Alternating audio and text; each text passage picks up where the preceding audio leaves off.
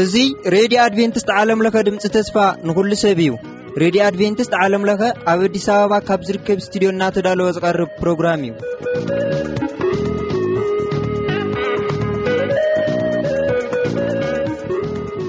በብዘለኹም ምዃንኩም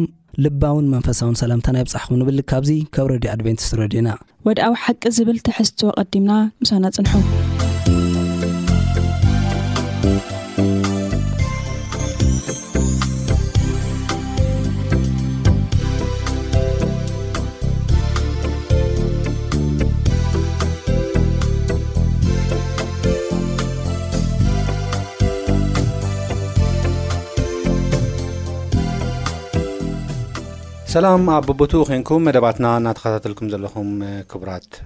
ሰማዕትና ሎሚ ድማ እንሪኦ ከም ፍረስርናይ ሙማት ብዝብል እዩ እምበኣር ኣብ ናይ ሎሚ መደብ ወድዓዊ ሓቂ መደብና ምሳና ሓሳብ ክባና ሓፍትና ሰላም መብራህቱን ከምኡውን ሓፍትና ምሳለች ከበደ ወይ ድማ ቹቹ ምሳና ሓቢረን ብምዃን ከነጽንዕ ኢና ማለት እዩ ቅድሚ ኩሉ ግን እግዚኣብሔር ምእንቲ ከምህረናን ክመርሓናን ሕጽር ዝበለ ጸሎት ክንጽሊ ኢና ንጸሊ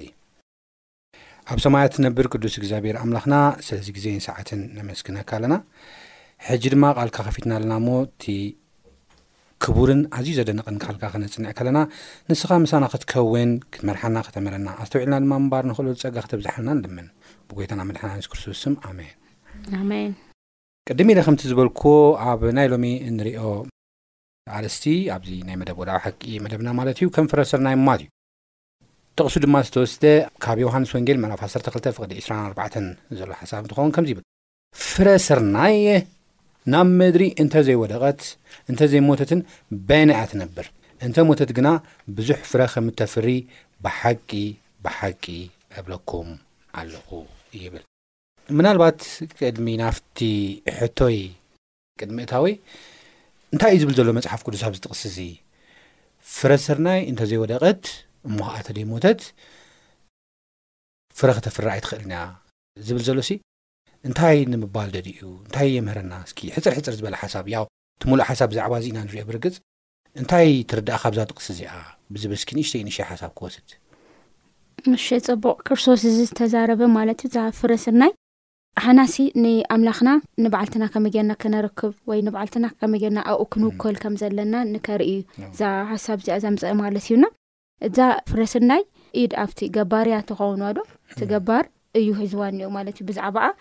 ምንም እንትን ነገር የብላይ ልክዕ ከምስ ሓደ ዘርኢ ዝሓዘ ሰብ ተዘርኢ ኣኢዱ እኒኦ እታ ዘርኢ ግን ንባዕላ ተብሎ ነገር የለ ምንም ሙሉእ ብምሉእ ኣብቲ ገባር ኢድያ ኒያ ማለት እዩ ብድሕሪኡ ከዓ ትገባር እንታይ ይገብራ ናብ መሬት ኣውደቃዋዶ ኣብቲ ፅቡቅ ዝኮነ መሬት ይቀብራ ማለት እዩ ድሕሩ ምስ ተቀበረት ግን ዛስርናይ እንታይ ክትከውን ኒዋ ሓደ ዓርሲ ኣረኪባ ኒያ ካብኡ ግን ምስ ተቐበረት ግን ወድያዊ ኣይኮነት እያ ይዋዶ ወድያዊ ኣይኮነት እቲ ፍረ ትህብ ማለት እዩ ጸኒሓ ኣትያ እንታይ ትገብር ትብስብስ ማለት እዩ እም፣ ምስ በሰብሰት ከዓ እንታይ ትገብር በስቢሳ መዓልቲ ይወስድ ምብሳስ ወዶ ኦ፣ እንዳውም ትመውት እዩ ከምዚ እንታይ ይብለና ክርስቶስ እዚ ክትመውት ኣለዋ ይብል ማለት እዩ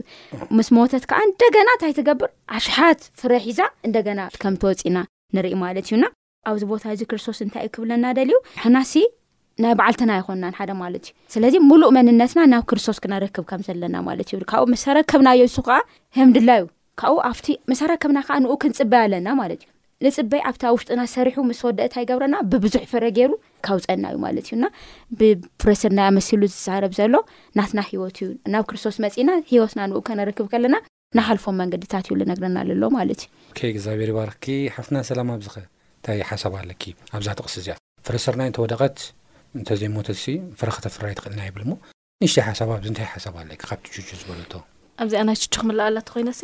እታ ፍረ ስርናይሲ ካብ ምንታይ እያ ትቦቅል ዘላ ካብ ምንታይ እያ ትረግፍ ዘላ ተይልናስ ካብ ገረብ እዩ ሕጂ ምቾት ኣለዋ ካብ ምቾት ናበይ ትወድቕ ኣላ ናብ መሬት ትወድቕ ኣላ ናበይ ከም ትዓልብ ዘለኻ ኣይትፈልጥ ኒሆ ሕማቕ ክኸውን ይኽእል እቲ መሬት ጽቡቕ ክኸውን ይኽእል ወላሓንቲ ትፈልጦ ነገርሲ የብላን እንደገና ምውዳቕ ጥራይ ዘይኮነ ከኣ ክትመውት ከኣ ኣለዋ ይብለና ሓጂ ክትቅበር ክትመውት ከኣ ኣለዋ ሕጂ እዚ ከኣ እንታይ የርእየና ምስ ሞተት ምስ ተቐብረት ከኣኒ ብዙሕ ፍረ ሒዛ ክትወጽእ ከላ ንርኢ ማለት እዩ ሕጂ እዚ ከኣ ምስ ናይ ክርስቶስ ክነተሓዘው ንኽእል ኢና ክርስቶስ ምእንታና ስለ ዝሞተ ምእንታና ዋጋ ስለ ዝኸፈለ እንታይ ኮይና ብዙሓት ክፈርዩ ከም ዝኸኣሉ። ክርስትናሲ ብብዙሕ ክዓግትዎ ይፍትኑ ነይሮም ግን ክርስቶስ ምእንታና ብምሟቱ ብዙሕ ፍረ ከም ዘፍረየ። ብዙሓት ኣመንቲ ከም ዝመጹ ኢና ንዕዘብ ማለት እዩ ንሕና ውን ፍረ ናይ ክርስቶስ ስለ ዝኾንና። እንደገና ኣብ ህይወትና ውን ከምኡ እዩ ዝብለና ማለት እዩ ነቲ ስጋዊ ነገር ነቲ ድልየታትና ክንመውት ከም ዘለና። ደሓር ነቲ ናይ ኣምላኽ ነገር ሽዑ እንታይ ክንከውን ንኽንቅበል ወይ ከኣ እግዚኣብሄር ንኽንጥቀመልና ከኣ ድልዋት ንኸውን ማለት እዩ። እግዚኣብሔር ይባርኽክን ብጣዕሚ ደስ ዝብል ሓሳብ እዩ ስለዚ ኣብዚ ሓሳብ እዚ ከም ደቂ ሰባት ምውዳቅ ምብስባስ ምጽናሕ ቀሊል ኣይኮነን ፔንፉል እዩ ኣብ ናይ ሎሚ ሰንበት ትምህርትና ውን ንሪኦ እሱ እዩ ነገር ግን እዚ ኩሉ ንምግባር ከም ክርስትያን ብፍላይ ከምታ ፍረ ስርናይሲ ወዲቅካ ተጸቢኻ ድሓር ብዙሕ ፍረ ንኸተፍሪ ሓደ ነገር ይድሊ እግዚኣብሄር ንዓና ሰናይ ምዃኑ ሓሳቡ ከዓ ንዓና ናይ ፍቕሪ ሓሳብ ከም ዘለዎ ምርዳእ የድሊ። ምሉእ ብምሉእ ንእሽተይ እኳ ከይገደፍና ሓሳብናን ህይወትናን ናብራናን ንዕዑ ምርካብ የድሊ ዝብል ኣስፊሕና እንሪኦ ሓሳብ እዩ ክኸውን ማለት እዩ። እግዚኣብሔር ይባርኽክን እናበልኩ ናብቲ ዝቕፅል ሓሳብ ክኣቱ ናይ መጀመርያ ሓሳብና እምበኣር ፊልጲስ ምዕራፍ ክልተ ፍቕዲ ሓሙሽተ ክሳብ ሸሞንተ ዘሎ ሓሳብ እዩ። እዚ ሓሳብ እዚ ከይድና ኣብ ንሪኤሉ እዋን ብዛዕባ ናይ ኢየሱስ ክርስቶስ እዩ ዝዛረበና። ማዕረ ኣምላኽ ምዃኑሲ ናብዚ ምድሪ ምምፀኡ፣ ምውራዱ ዝፋኑ ምግዳፉሲ ከም ምምንዛዕ ኣይረኣየን ይብለና እሞ ነገር ግን መልክዕ ባርያ ወሲዱ መልክዕ ባርያ ጥራሕ ኣይኮነን ክሳብ ሞት እኳ ተኣዘዘ እዩ ዝብለና እሞ እዚ እንታይ እዩ ዘምህረና ንዓና ብፍላይ ምስዚ ናይ ሎሚ ኣርእስትና ብፍላይ ሙሉ ብምሉ ንክርስቶስ ክነረክብ ኣልና ሂወትና ምስ ዝብል ኣርእስቲ ተሒዝክን እንታይ እዩ ዘምህረና እዚ ካብዚ ናይ ክርስቶስ ሂወት ሲ ኢንፋክት ጴጥሮስ ን ክዛረብ ከሎ ክርስቶስ ኣርኣያ ሓዲግልኩም እዩ ዝብለና እቲ ኣርኣያ ዝሓደገልና ካብ ኣመፃፅኡ እውን ኣርኣያ ሓዲግልና እሞ እንታይ ዓይነት ኣርኣያና ካብዚ ክንወስድ ዘለና ካብዚ ናይ ክርስቶስ ሂወት ብዝብል እስክንጀምር እሺ ፅቡቅ እሞቲ ጥቅሲ ሲ ነንብቦ ንምንታይ ሲ ምንታን ብደንቢ እንትንክብለና ከምዚ ይብል፣ እቲ ኣብ ክርስቶስ የሱስ ዝነበረ ሓሳብ ኣባኻትኩም ይሃልኹም። ንሱ ብመልክዕ ኣምላኽ ክነሱ ነቲ መዓረ ኣምላኽ ምዃኑ ከም ምምንዛዕ ኣይረኣዮን። መልክዕ ባርያ ወሲዱ ርእሱ ኣሕሰረ፣ ሰብውን መሰለ። ብንብረቱ ከም ሰብ ኮይኑ ተረኸበ። ርእሱ ክሳዕ ሞት ኣትሐተ፣ ክሳዕ ሞት ኣብ መስቀል እኳ ደኣ ተኣዘዘ። ስለዚ ከኣ ኣብ ሰማያት ኣብ ምድርን ኣብ ትሕቲ ምድርን ዘሎ ኩሉ ብርኪ ብስም የሱስ ምእንቲ ክንብርከክ ልሳን ዘበለውን ንክብሪ እግዚኣብሔር ኣቦ ኢሉ የሱስ ክርስቶስ ጎይታ ምዃኑ ክኣምን እዩ ኣምላኽ ናብ ልዕሊ ልእሊ ዘበሎ ይብል መላው ናብ ላዕሊ ዘበሎ እዩ ዝብለና ማለት እዩና ኣብዚ ጥቅሲ እዚ እቲ ንኣና ኣድላይ ዝኾነ ትምህርቲ እንታይ እዩ ሕዚ ርእስኻ ምውፋይ ዋዶ ትሕት ምባል እዩ እዚ ጥቅሲ እዚ ዝነግረና ማለት እዩና ኣብ ናይና ባህሊ በቃ ከይትስዓር ዝብል ባህሊ እኒኤና ወዶ መንም ከይስዕራካ በቃ ንበዓልካ እዚ እንታይ እዩ ልበሃለ ሰልፊ ኮንፊደንስ ልበሃል ትምህርቲ እኒዮና ሰልፊ ኮንፊደንስ ማለት እዚ ዓርሰ ምትእምማን ዩ ልበሃል ኣብ በዓልካ ዓርሰ እምነት ክህሉ ይሃልካ ይበሃል እሞ ድሓደቲ ዓርሲ እምነትካ ተብል ብምንታይ እዩ ብትእቢት ማለት እዩ ናብ በዓልካ መሰልካ እዚ እዩ እዚ እዚዚ መሰልካ እዩ ነዚ መሰልካ እዚ ክገህስ ዝመፅእስ እንታይ ግበር እንደምንም ጌርካ ሰዓሮ ልብል ባህሊ ኢና ዓብና እና እሱ ባህሊ እሱ ከዓ እዩ ሕልከኛ ይገብረካ ኣብዚ ግን እንታይ ይብል ትሕት ኢልካ ናይ ምግልጋል ኣብነትና መን እዩ ክርስቶስ እዩ ዝብለና ማለት እዩ ስለዚ ኣብ ክርስቶስ ሓሳብ እቲ ኣብ ክርስቶስ ዘሎ ሓሳብሲ ኣባኹም ይሃሉ ይብለና። እቲ ናተይ ትብሎ ነገር የብልካን። ክርስቶስ ናየይ ዝብሎ ነገር ተዝህልዎ ነይሩ ካብ ላዕሊ ካብ ሰማይ ፈጣሪ እሞ ከም ፈጣሪ ከሎስ ላብ ምድሪ ኣይመወረደን ነይሩ ማለት እዩ። ስለዚ እዚ መሰለይ እዩ እዚ ናተይ እዩ እናበልና ባይ ዘ ወይ ሰብ መሰል የብሉይ ክንብል ኣይንኽእልን። ሓደ ሰብ እዚ ክነብር መሰሉ እዩ ብህይወት ክነብር መሰሉ እዩ ወድ ስለዚ ህይወቱ ከጥፍእ ንዝመጽእ ልኾነ እንትን ክገብር ነይዎ ምላሽ ክህብ ክከላኸል ኣለዎ እና ክርስቶስ ግን ህይወቱ ከጥፍእ ንዝመጸ ዋላ እንታይ ገይሩ እዩ ኣሕልፉ ህይወቱ ከም ዝሃበ ኢና ንርኢ ንባዕሉ ክንዲዚ ኣትሒቱ እዩ ዝብል ባርያ ምዃን ዝል እኮ የለን ወዶ ጎይታና መድሓኒ የሱስ ክርስቶስ ግን እንታይ ገይሩ ባርያ ኮይኑ ምእንታሓና እንታይ ክንከውን ምእንታሓና ልዕል ክንብል ማለት እዩ ምእንታና ክብ ክንብል ምእንታና ዝስከሙ ከም ዝኾነ ኢና ንርኢ ኣለናና ናይ ትሕትና ኣብነትና መን እዩ? ክርስቶስ እዩ። እዚ ኣብነት እዚ ሒዝና ከዓ ክንጓዓዝ እዩ ዝነግረና ማለት እዩ እና መልክዕ ኣምላኽ ከሎ ምስ ኣምላኽ ማዕረ ክነሱስ እንታይ ገይሩ መልክዕ ባርያ ከም ዝወሰደ ኢና ንርኢ ማለት እዩና ኮይኑ ግን ከም ደቂ ሰባት ኣብዚ ምድሪ ክንነብር ከለና እስካብ ሞት እስካብ ሞት ዘሎ ህይወት ንክርስቶስ ተኣዘዝቲ ክንከውን ማለት እዩ ናትና ዝብሎ ነገር የብልናን ኣንቶ ከምቲ ዝበልናዮ ህይወትናሲ ናብ ክርስቶስ ኢና እነረክብ። ደሓረ ከምቲ ጳውሎስ ዝበሎ እንታይ እዩ በቃ ኣነ ልግድሰኒ ሞት ዋላ ይኹን ህይወት ይኹን ምስኣን ይኹን ጸልማት ይኹን ብርሃን ይኹን ኣነ ካብቲ ክርስቶስ ካብ ዝረኸብክዎ ነገርሲ መን እዩ መን ኮን ይኹን በቃ ክምንጥለኒ እዚ ነገር ክወስዶ ዝኽእል መን እዩ ኢሉ ምስ ተረድኡ ኣብ ክርስቶስ ምውዳቕ ማለት እዩና እዚ ኢሉ ነግረና እዚ ሓሳብ እግዚኣብሔር ይባርኪ ሓፍትና ቹቹ ብጣዕሚ ደስ ዝብል ሓሳብ እያ ሂባትና ባይዘወይ ንግረ መንገደይ ፊልጲስ ምዕራፍ ክልተ ፍቅዲ ሓሙሽተ ብደንቢ ጌርና ከነንብብ ከለና ብደንቢ ጌርና ከነጽንዖ ከለና ኣዝዩ ብዙሕ ሓሳብ ብዙሕ ትምህርቲ ርእስና ክንክሕድ ከም ዘለና ሙሉእ ብሙሉእ ንጎይታ ርእስና ከነገዝእ ከም ዘለና ዘምር ትምህርቲ እዩ ከምቲ ቹቹ ሓፍትና ዝበለቶ ማለት እዩ ናብ ዝቕጽል ሓሳብ ክኣቱ እሞ ሮሜ ምዕራፍ ዓሰርተ ክልተ ሓፍትና ሰላም ብምሕረት ኣምላኽ ህያው መስዋእቲ ጌርና ከነቐርብ ርእስና መጽሓፍ ቅዱስ ይዕድመና እዩ ኣብ ሮሜ ምዕራፍ ዓሰርተ ክልተ እሞ እንታይ ማለት እዩ እዚ ንምንታይ ኢናኸ ከነረክብ ዝግብኣና ርእስና ከም ህያው መስዋእቲ ጌርና ከነቕርብ ዝግብኣና ንምንታይ እዩ እቲ ህያው መስዋእቲ ንባዕሉ ከ እንታይ ማለት እዩ ብዝብልሲ ኣብኡ ከለ ክተተንክፍልና ደስ ይብለኒ። እታ ጥቕሲ ክነንብባ እሞ ሮሜ ዓሰርተ ክልተ ካብ ሓደ ክሳዕ ክልተ ዘላ እያ እምበኣርሲ ኣሕዋተየ ንስጋኹም ህያውን ቅዱስን ንኣምላኽ ባህ ዘብል መስዋእቲ ጌርኩም ከተቕርብዎ ብምሕረት ኣምላኽ እምዕደኩም ኣለኹ፣ እዚ ማለት እቲ ናይ ኣእምሮ መንፈሳዊ ኣገልግሎትኩም እዩ። እቲ ሰናይን ባህ ዘብልን ምሉእን ፍቓድ ኣምላኽ እንታይ ምዃኑ ምእንቲ ክትምርምሩስ ብምሕዳስ ሓሳብኩም ተለወጡ እምበር ነዛ ዓለም እዚኣ ኣይትምሰልዋ ይብለና ማለት እዩ። ስለዚ። እቲ ቀንዲ ዕላማ እንታይ እዩ ኣብዚ እንተንቢብናዮስ እቲ ሰናይን ባህ ዘብልን ምሉእ ፍቓድ ኣምላኽ እንታይ ምዃኑ ምእንቲ ክትፈልጡስ ይብለና። ስለዚ እቲ ምሕዳስ ዘድልየና እቲ ምልዋጥ ዘድልየናስ ንምንታይ እዩ ፍቓድ ኣምላኽ መታን ክንፈልጦ ማለት እዩ። ሕጂ ብዙሕ ግዜ ከምኡ ንብል ኢና፣ እግዚኣብሄርሲ እንታይ ይኸውን ፍቓዱ? ኢልና ብዛዕባ ሓደ ነገር ክንሓስብ ከለናስ፣ እግዚኣብሄርሲ ብዛዕባ እዚ እንታይ ይኸውን ፍቓዱ? ኢልና ንሓስብ ኢና። ግን ኣብዚ ሃዋርያ ጳውሎስ ዝብለና ዘሎ ማለት እዩ፣ እቲ ፍቓድ ኣምላኽ እንተድኣ ክንፈልጦ ኮይንናስ ብምሕዳስ ሓሳብና ክንልወጥ ከም ዘለና እዩ ዝነግረና ዘሎ ማለት እዩ። እታ ምሕዳስ ሓሳብ ግን እንታይ ማለት እያ? ካብዚ ስስዐ ዝተመልኦ ማለት እያ መስለኒ። ሕጂ ኣተሓሳስባና መብዛሕትኡ ከምቲ ቅድም ኢላ ሓፍትና ቹቹ ዝበለቶ፣ ኣተሓሳስባና ብምሉኡ ካብ ርእስና ካብ ምፍታው ወይ ድማ ካብ ስስዐ ዝመንጩ እዩ ኣተሓሳስባና ኩሉ ቅድም ኢላ ቹቹ እናገለፀቶ ነራ ኩሉ ነገር እቲ ሶልፍ ኮንፊደንስ ኢሎም ዓለም ዝትርጉምዎን መፅሓፍ ቅዱስ ኢሉ ዝትርጉምዎን እውን ይፈላለ እዩ ክሕደስ ክኽእል ኣለዎ ክርስትያን እየ እንተደኣ ኢሉ ናብ ክርስቶስ ክመፅእ እንተደኣ ኢሉ ብዙሕ ፍረ ከፍሪ እንተደኣ ኮይኑ እቲ ሓሳብ ክልወጥ ኣለዎ እታ መሕደስ ሓሳብኩም እየ እወ እሱ ለሓደ እቲ ዋላ ኣብ ወለዲ ገለ ክንርኢ ከለና ምኽሪ ገለ ክብና ከሎ ብመንም ከይትሰዓር ገለ ይብሉካ ማለት ካብ ሃሙ በቃ ኣይሰዓርን ገለ ኢልካ ለሎ ማይ እንዲካ የሲስካ ተዓቢና እሱ ንዓሉ ዝኾነ ፅዕንቶ ኣለዎ ምስ ናይ እግዚኣብሔር ሓሳብ ክንሪኦ ከለና ኣብ ቤተክርስትያናት ንባዕሉ በልሞ ክኾነልካ እዩ በቃ ጅግና እየ ተይልካ ዓይነት እውን ንርኢ ኢና በቃ ስለዚ ኣጉል ዝኾነ ካብ መፅሓፍ ቅዱስ ወፃኢ ዝኾነ ሓሳባት ኢና ንርኢ ማለት እዩ ኤኒወይ ሓሳብኪ ሰሪዕናኪ ይቕሬታ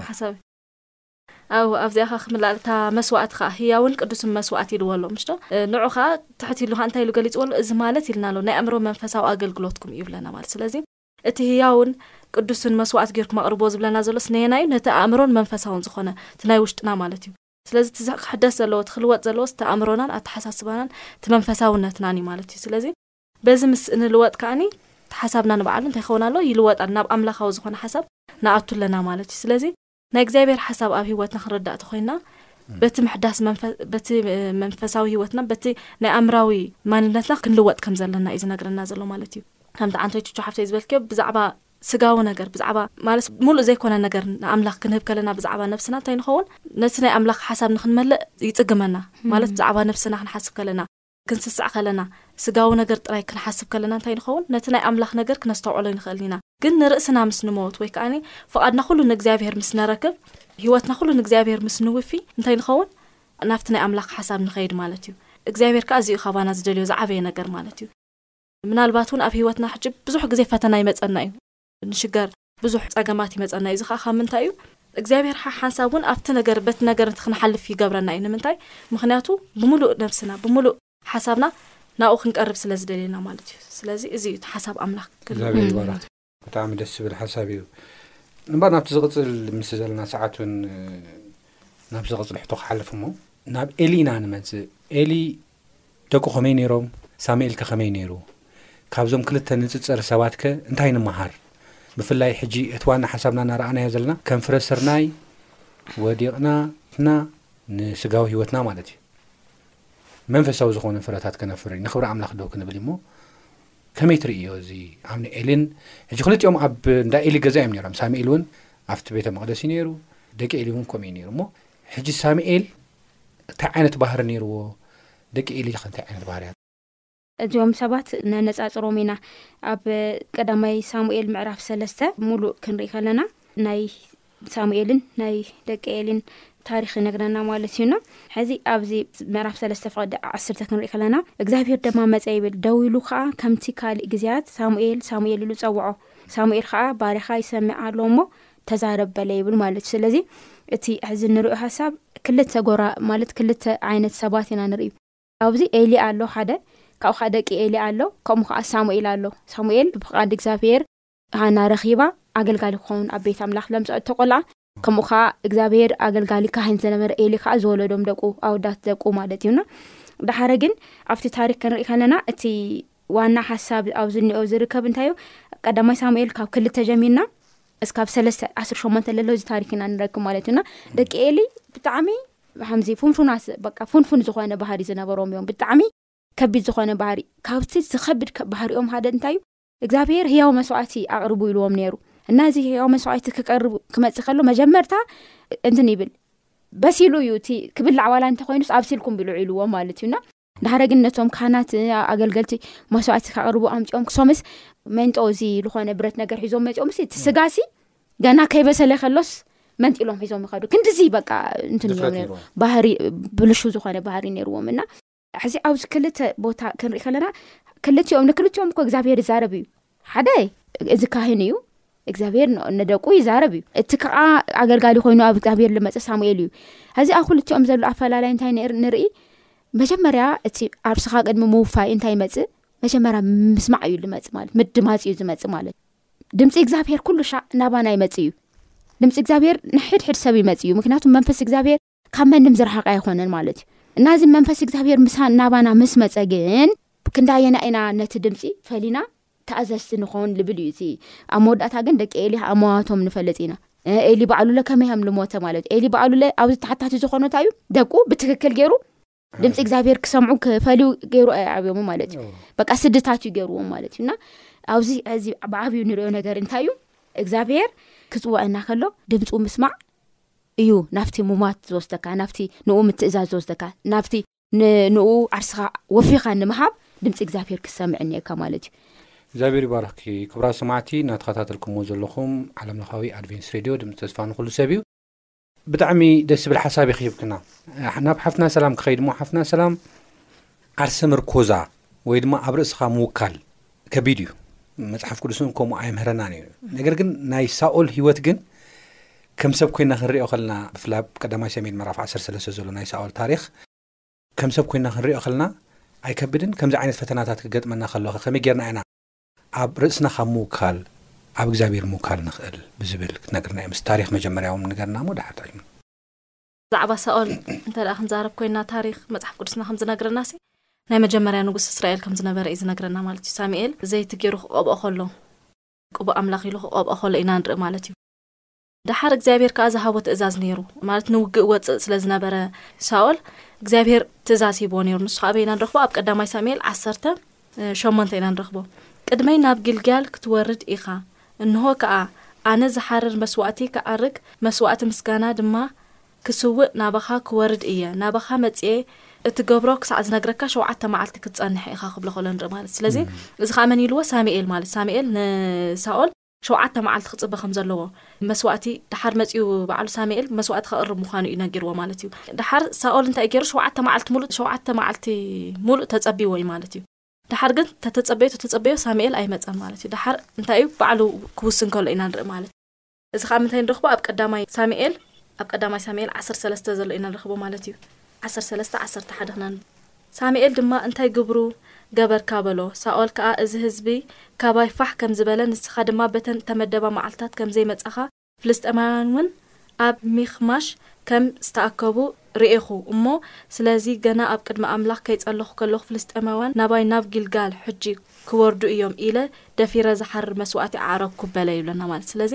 እቲ መስዋእቲ ዝገበሮ እንታይ እዩ ሳኦል ካብ ፍርሒ ተላዕለ ማለት እዩ ባዕሉ ክውስን ከሎ ኢና ንርኢ ማለት ግን ከቅርቦ ኣይግባኣን እዩ ነይሩ። እወ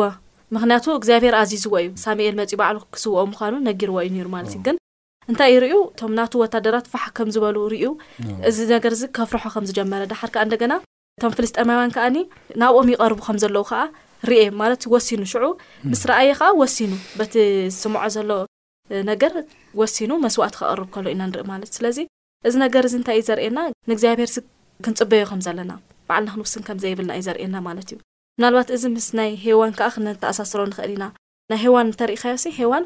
እግዚኣብሄር ዝኣዘዞም ትእዛዝ ነይሩ፣ ንሱ ከኣ እንታይ እዩ፣ ካብታ ፍረ እቲኣስ ክበልዑ ከም ዘይብሎም ነጊርዎም ነይሩ። ግን በቲ ሰይጣን ዝሃቦ ሓሳብ ማለት እዩ፣ ንምብልዓ ጥዕምቲ፣ ንምርኣያ ጽብቕቲ ኢላ ባዕላ ማለት እዩ፣ በቲ